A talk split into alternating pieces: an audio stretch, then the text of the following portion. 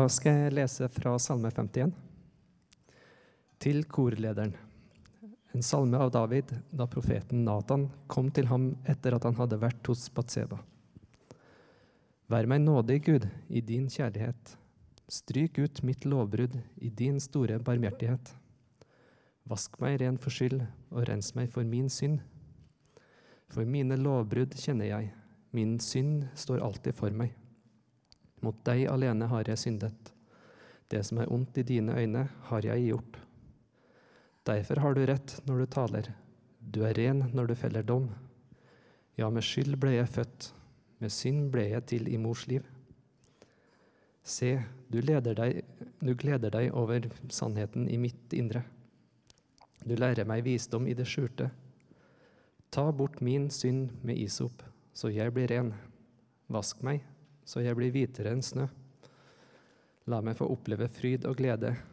La lemmene du knuste, få juble. Skjul ditt ansikt for mine synder. Utslett all min skyld. Gud, skap i meg et rent hjerte.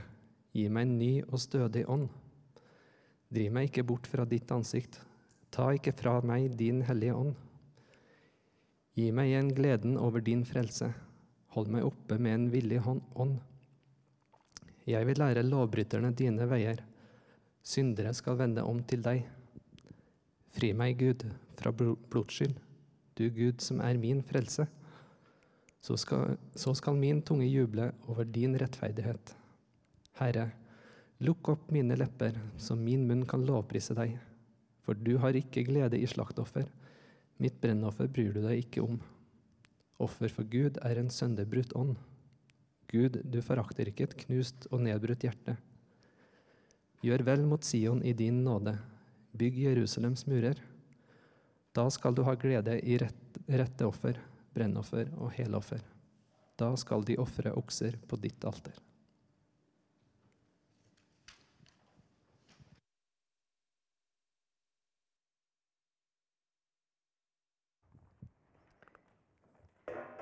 Ja, hei. Um, bare sett flaska der, i tilfelle jeg blir litt tørst. Det er jo mange som kjenner meg her, men for dere som ikke kjenner meg, så heter jeg altså Janne Bjerkholt Chen. Og um, ja, jeg kommer fra Trondheim. Jeg er gift og har to barn, men de er ikke her, for da vet jeg ikke hvordan det her skulle gått. ja. Men uh, ja, jeg kan be bitte litt først. Kjære Jesus, takk at du er her. Um, Takk at det er så godt å være sammen igjen og få feire deg. Ehm, takk at vi kan få være familie. Jeg ber at du kommer og viser oss noe nytt om deg, Jesus. Vi legger det i dine hender. Amen. Ja, eh, når Elise spurte om jeg hadde lyst til å tale, så sa hun du kan tale om hva du vil. Og det er det verste som man kan høre, for det er liksom så masse. Og så sa jeg har du noen flere forslag, og så sa ja, du kan jo kanskje tale om en salme, for det har vi ikke hatt om på lenge. Så da um, vet jeg ikke helt hvorfor det ble Salme 51, men det var nå det som uh, kom til meg.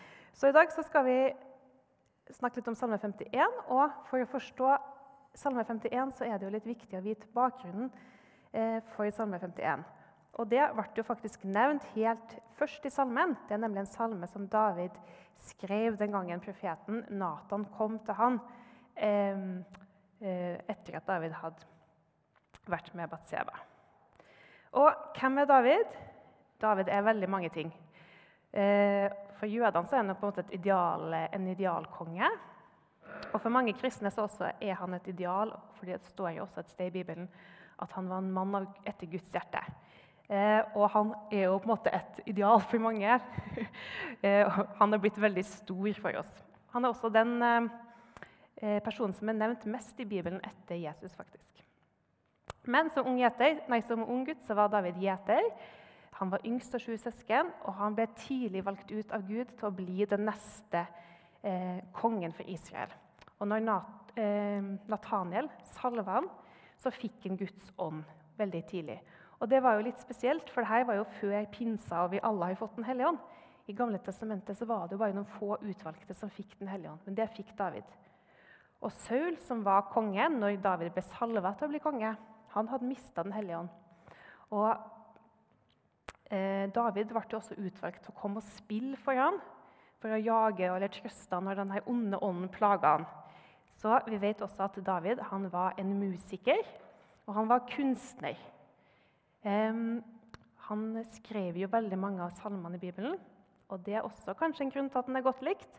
Fordi når vi leser salmene, så får vi se hva han tenkte om seg sjøl og om Gud. Og vi får på en måte innblikk i livet, det indre livet hans. Og da er det jo veldig lett å bli glad i noen som vi på en måte føler at vi kjenner litt.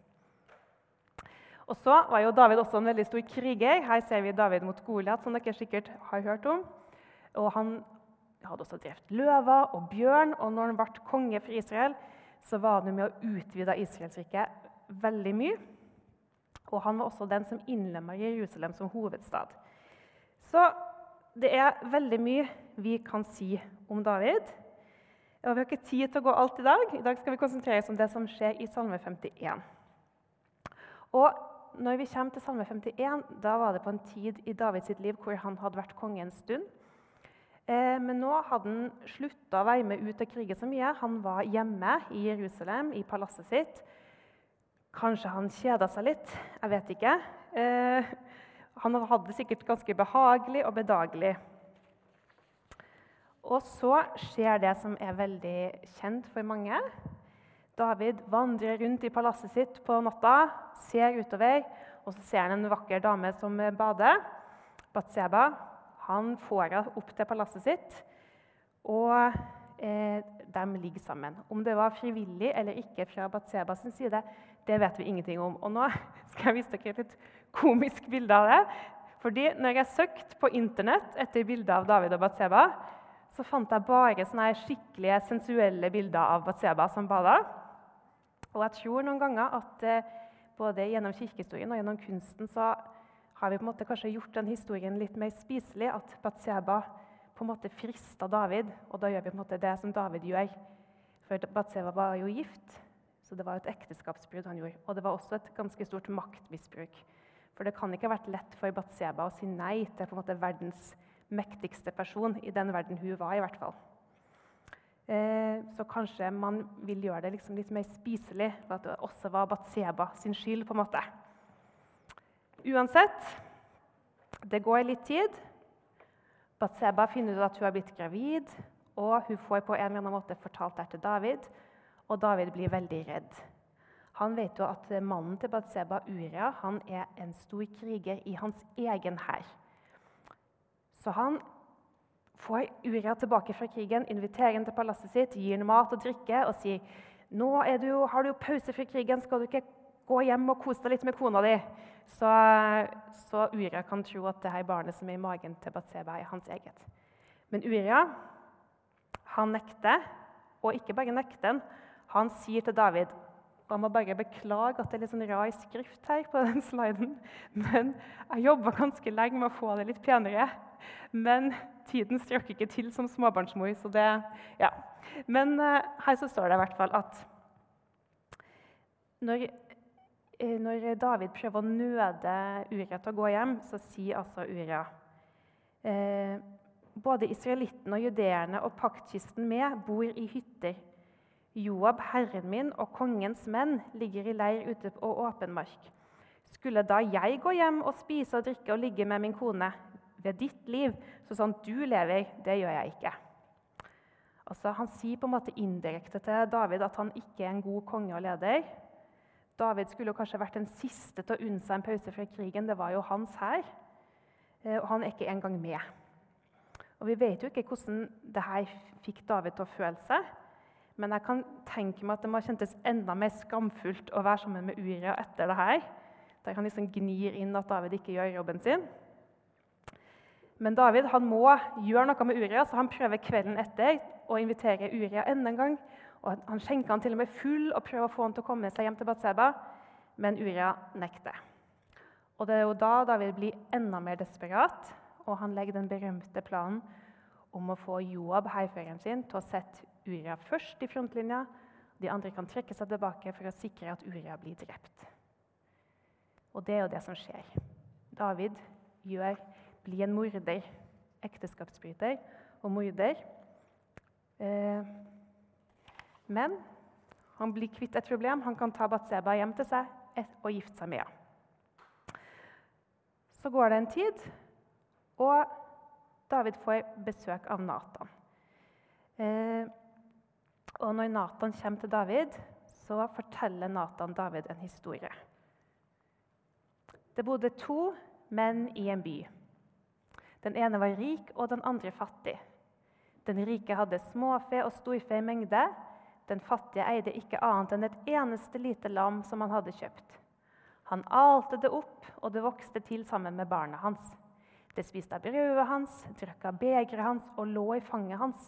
Det var som en datter for ham. En dag kom det en vandringsmann til den rike. Men han kvidde seg for å ta noe av sitt eget småfe eller storfe for å lage i stand for gjesten. Han tok lammet som den fattige eide, og laget det til for mannen som var kommet. Og Når Nathan er ferdig med å fortelle denne historien, så med en gang så blir David opprørt. For han kjenner igjen urettferdigheten i denne historien. Og han sier å, den mannen som har gjort det fortjener å dø. Og Da sier Nathan til David det er du som er den mannen. Du hadde ikke bare én kone, du hadde flere koner, men du tok den ene kona til Uria, og i tillegg så drepte hun. Og det er i denne situasjonen at David skriver da Salme 51. Og jeg tror at Vi har mange ting å lære av David. Selv om han var både en ekteskapsbryter og en morder, så har vi noe å lære av ham. Både om det å ha et rett gudsbilde, et rett selvbilde, og det livet vi har med Gud. Så for det første eh, Hvordan Gud henvendte David seg til, eller hvordan gudsbilde hadde han? Det gamle testamentet sin Gud kan, han kan jo framstå som veldig opptatt av lover og regler og at vi skal leve rett. Og det er han. F.eks. hvis dere ser i Salme 51, i vers 6, sier David at du har rett når du feller dom, at Gud er en rettferdig dommer. Men likevel så må, Gud, må, David ha visst at Gud, eh, at, må David ha visst at Gud var noe mer enn det her. For Hvis vi ser på en måte hvordan salmen starter, så sier jo David Vær meg nådig, Gud, i din kjærlighet. Stryk ut mitt lovbrudd i din store barmhjertighet. Også, han sier at Gud er en Gud med nåde, kjærlighet og barmhjertighet. Gud visste noe om, nei, David visste noe om hvilken Gud han ba til. Og Det fikk meg til å tenke på hvordan Gud tenker jeg på når jeg bekjenner mine synder. Eller når du bekjenner dine synder. Hvem ser du for deg? Ser du for deg en streng far eller en irritert mor eller en likegyldig hersker? David sier at Gud er en dommer. Ja, men han sier først at han er en Gud med barmhjertighet og kjærlighet. Og Fallgruva for oss er selvfølgelig at vi holder oss til bare én av de tingene her, enten bare en dommer eller bare en kjærlig Gud. Eh, Jesus er jo både nåde og sannhet, som Johannes sier. Men det viktige er jo at vi ber til Gud og viser oss at vi får et rett bilde av han. Og dette er jo en hel tale, eller mange taler i seg sjøl. Men, eh, men, jeg ville bare at vi skulle ha med oss det her, at vi må ha et rett bilde av Gud. Og hva tenkte så David om seg sjøl, og om hvem han var? Eh, David sier jo, hvis vi leser litt videre, at han er en lovbryter. Altså, Mine lovbrudd kjenner jeg. Han sier at han er en synder og han er en skyldner. Han sier 'vask meg ren for skyld, rens meg for min synd'. Han sier at han er en som har gjort noe som er ondt i Guds øyne, og han vet at han er født med synd og skyld. Han, eh, han smører på og sier mange ting. Og Det jeg liker aller best med David i denne historien, er nettopp det at han innrømmer synden sin med en gang han blir konfrontert. Med en gang Nathan har snakka ferdig, så sier David jeg har synda mot Herren. Han nøler ikke, han bortforklarer ikke. Om noe så maler han bare med enda tjukkere pensel. Jeg er en synder, jeg er en skyldner, jeg er en lov, lovbryter. Jeg har gjort det som er galt i dine øyne. Han bare liksom Det må jo ha gjort vondt. Men han kaller synden de rette tingene. Og tenk hvor forskjellig det her er fra mange av dagens kjente mennesker når de blir tatt for maktmisbruk eller misbruk. F.eks. En kjent amerikansk skuespiller, Kevin Spacey, han ble jo anklaga for å ha misbrukt en ung mann. Og når han skulle uttale seg om det her på Twitter, så sa Kevin Spacey eh, Spacey stated through Twitter that he did not remember the encounter, but that he owed Rapp the sincerest apology for what would have been deeply inappropriate donkey behavior if he had behaved as asserted. Han sier ja, det var jo ikke så bra gjort hvis det hadde skjedd. Eller Trond Giske, som ble ikke så ille som David, men tafsa og dansa litt for mye. Han sa jeg tar på alvor at jeg har opptrådt på en måte som har vært belastende. Han sier ikke unnskyld for det han har gjort, han bare sier at det var kanskje litt belastende. Og i vår postmoderne tid så er det jo på en måte veldig vanskelig å si at noe er rett og galt, eller at noe er synd. Og vi har på en måte gått fra å si unnskyld til at jeg har gjort noe galt, til beklager hvis det ble oppfatta negativt. Men det var ikke det Jesus kom for. Han kom ikke for å gjøre om noe som kunne oppfattes negativt. Han kom for dine og mine konkrete synder og skyld og feilgrep og synd og skyld. Og det er hvis vi sier det som det er, sånn som David, at vi kan bli tilgitt for det som er. Vi kan ikke bli tilgitt for noe som blir oppfatta negativt. Og Giske og Spacey da, det er jo menn som ikke tar ansvar. Og det er kanskje ikke så rart. Ehm, jeg har lest en bok i det siste som jeg anbefaler veldig, veldig mye, som er skrevet av eh, den svenske teologen Magnus Malm. Og Den heter 'Som om Gud ikke fins. Hva skjer når livet sekulariseres?' Eh, så den måtte jeg bare anbefale. Egentlig skulle jeg bare ønske at jeg kunne ha lest hele den boka her i dag istedenfor. Men, eh, ja. Men han sier i hvert fall det. Eh, å tape mitt gode selvbilde og erkjenne hvem jeg egentlig er, og hva jeg har stelt i stand, uten å ha tilgang til Guds barmhjertighet, det er et helvete. Men David han hadde tilgang til Guds nåde. Og Derfor så kunne han også ta ansvaret og si det her at han var en synder og skyldner. Eh, han våga å snakke sant om seg sjøl. Hvis vi ser i salmen, så ser vi at Davids første beskrivelse av Gud er jo at Gud er en barmhjertig og nådig og kjærlig Gud. Han sier at Gud er en rettferdig dommer, ja, men det gjør han etterpå. Og Det er derfor han også kan tåle å se på seg sjøl. Og hva tror David at Gud kan gjøre? Jo, han tror virkelig at Gud kan vaske han ren for skyld, rense han for synd han tror at Gud kan ta bort synda så han skal bli ren. Han tror at Gud kan vaske ham. Han tror at Gud kan stryke ut lovbrudd. Og hva ber vi om når vi ber Gud om tilgivelse? Jeg må innrømme at jeg veldig sjelden ber om alle de tingene her. Jeg ber veldig om sånn, 'Kjære Gud, må du tilgi meg for det og det.' Og så, og så, tenker jeg kanskje at ja, det her havner jo heldigvis i glemselens hav hos Gud. Kanskje hvis jeg er heldig, så glemmer jeg det sjøl. Eh, og jeg ber kanskje ofte om tilgivelse litt som et barn som ber om, unnskyld, som ber om unnskyldning. Unnskyld for at jeg gjorde det. Og så stopper jeg deg. Eh, men vi skal se litt videre, fordi David han ber om de tingene her som er viktige. Men han stopper ikke deg, Han vil ha mer. Eh, ja, dere får se på arket hvis det blir veldig lite. Men altså, David vil ha et rent hjerte. Han vil ha en ny og stødig ånd. Han vil ha nærhet til Gud. Han sier, 'Driv meg ikke bort fra ditt ansikt'. Han vil glede seg over frelsen. altså Han vil ha den ekte gleden tilbake i livet sitt igjen.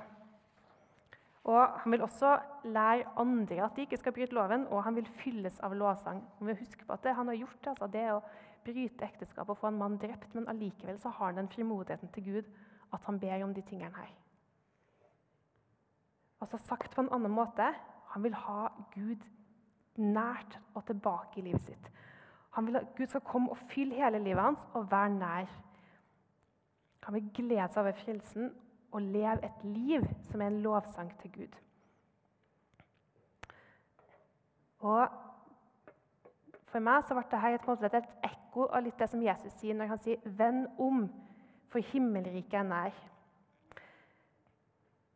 Altså, jeg tror at jeg mange ganger kan havne i en loop der jeg klarer, hvis jeg kan bruke et sånt ord som 'å klare', og liksom å vende om, altså at jeg tilgir min, eh, tilgir min synd. Men så glemmer jeg fortsettelsen, at Guds rike er nær. Eh, og så blir måte det kristne livet en sånn slags rar loop av synsbekjennelse, til livelse, synsbekjennelse, til livelse, synsbekjennelse, til livelse. Og så jeg, glemmer jeg jo at i liturgien, f.eks. etter synsbekjennelsen, så kommer jo lovsangen. Eh, eller også etter at Jesus sier 'venn om', så kommer himmelriket nær. Eh, Guds rike er et sted der vi kan leve i gode relasjoner til hverandre og til Gud og til oss sjøl. David vil tilgis, ja, det vil han. Han vil renses, men han vil også videre. Og da må jeg bare ha ett sitat til av Magnus Malm. Det er litt lenger, så dere får henge godt med. Eh, og da står det Det fører oss tilbake til gudsbildet. Hva slags magefølelse har jeg overfor Gud når jeg har syndet? Skam og skyld, uten tvil. Men er det også en anelse tillit? Eller dominerer frykten, tausheten, distansen? Paulus gir oss et godt råd. La ikke det onde overvinne deg, men overvinn det onde med det gode. Legg merke til en viktig detalj. Han sier ikke at vi skal overvinne det onde med det rette, men med det gode. Og på dette området kan denne lille forskjellen være helt avgjørende. Det rette dreier seg om å havne på riktig side av streken, simpelthen å ikke handle galt. Det gode dreier seg om et uventet overskudd av nåde og barmhjertighet, en skapende innsats for å hjelpe noen som trenger det, en overraskende sjenerøsitet. Altså Hvis vi tror, og da mener jeg ikke bare sånn intellektuelt i hodet, men også på den måten vi lever på, at livet med Gud bare er en sirkel av synsbekjennelse og tilgivelse, eller hvis det handler om sånn som Magnus Mann sier, at det bare handler om å havne på rett side av streken, da blir jo kristenlivet vårt ganske tungt. Men hvis vi kan tro, sånn som David viser oss, at vi kan be Gud om mer, at det er mer i vente, Guds godhet, eller som Jesus sier, at Guds rike er nær. At eh, livet vårt kan bli mer enn bare aktiviteter. Eller å følge barna på aktiviteter, eller å være på jobb, Netflix, pusse opp badet eller investere i hytta. alle de tingene her. At livet vårt ikke bare kan tilgis av Jesus, men preges av Jesus. Det er uventa overskudd av nåde og barmhjertighet. At alle de tingene vi gjør, som er hverdagslige, men viktig for Jesus, at det preges av han. At vi kan slippe å leve i frykt for hva folk tenker om oss, eller bekymring, eller kanskje for mange etter koronatida litt sløvhet og kjedsomhet og ensomhet. David han visste at dette livet var der. Han hadde fått Guds ånd. Han hadde levd i det, kjent det, smakt det, som han skriver i Salme 34. Smak og kjenn at Herren er god. Og han ville tilbake til det til tross for de tingene han hadde gjort. Og vi også tror jeg vi må prøve å komme oss videre fra denne loopen der vi bare stopper etter synsbekjennelsen, men videre inn i lovsangen. Eh, C.S. Lewis har skrevet en bok eh, som heter for Perelandria. Han har skrevet en sånn, mer sånn voksen science fiction-triologi som heter Perelandria. Eller den ene boka heter Perelandria.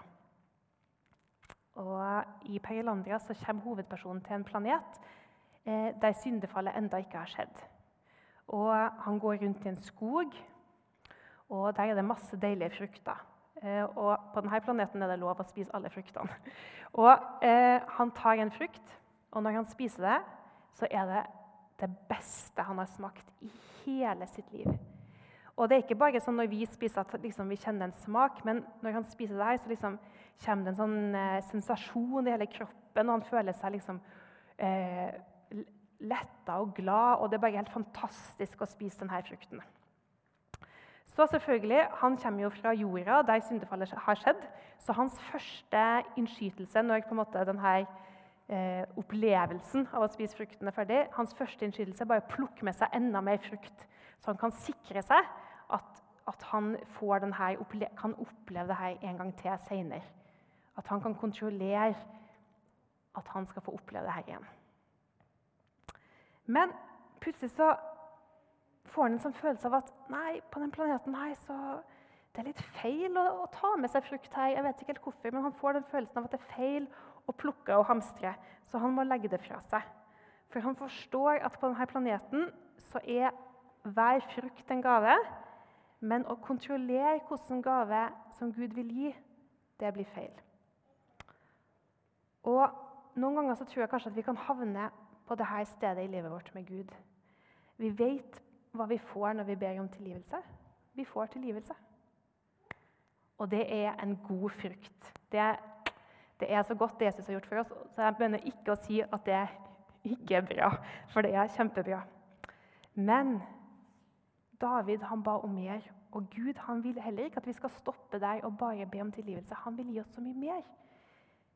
Eh, men noen ganger så har vi kanskje selvbildet vårt er så fullt av å holde fast i denne frukta som sier at ikke vi kan be om noe mer enn tilgivelse. Kanskje vi føler at vi ikke er verdige nok. Men tenk David, som var en morder og ekteskapsbryter. Han hadde eh, tillit til Gud, til at Gud ville gi mer. Tenk hvilken tillit vi kan komme framfor Gud med og spørre om disse tingene. Ikke for det vi har gjort, men fordi Gud er den han er. Og da tenker jeg sånn, Tør vi å komme framfor Gud og be om et rent hjerte og en ny ånd? Eller sånn som Jesus sier, tør vi å be om at Guds rike skal komme enda nærmere?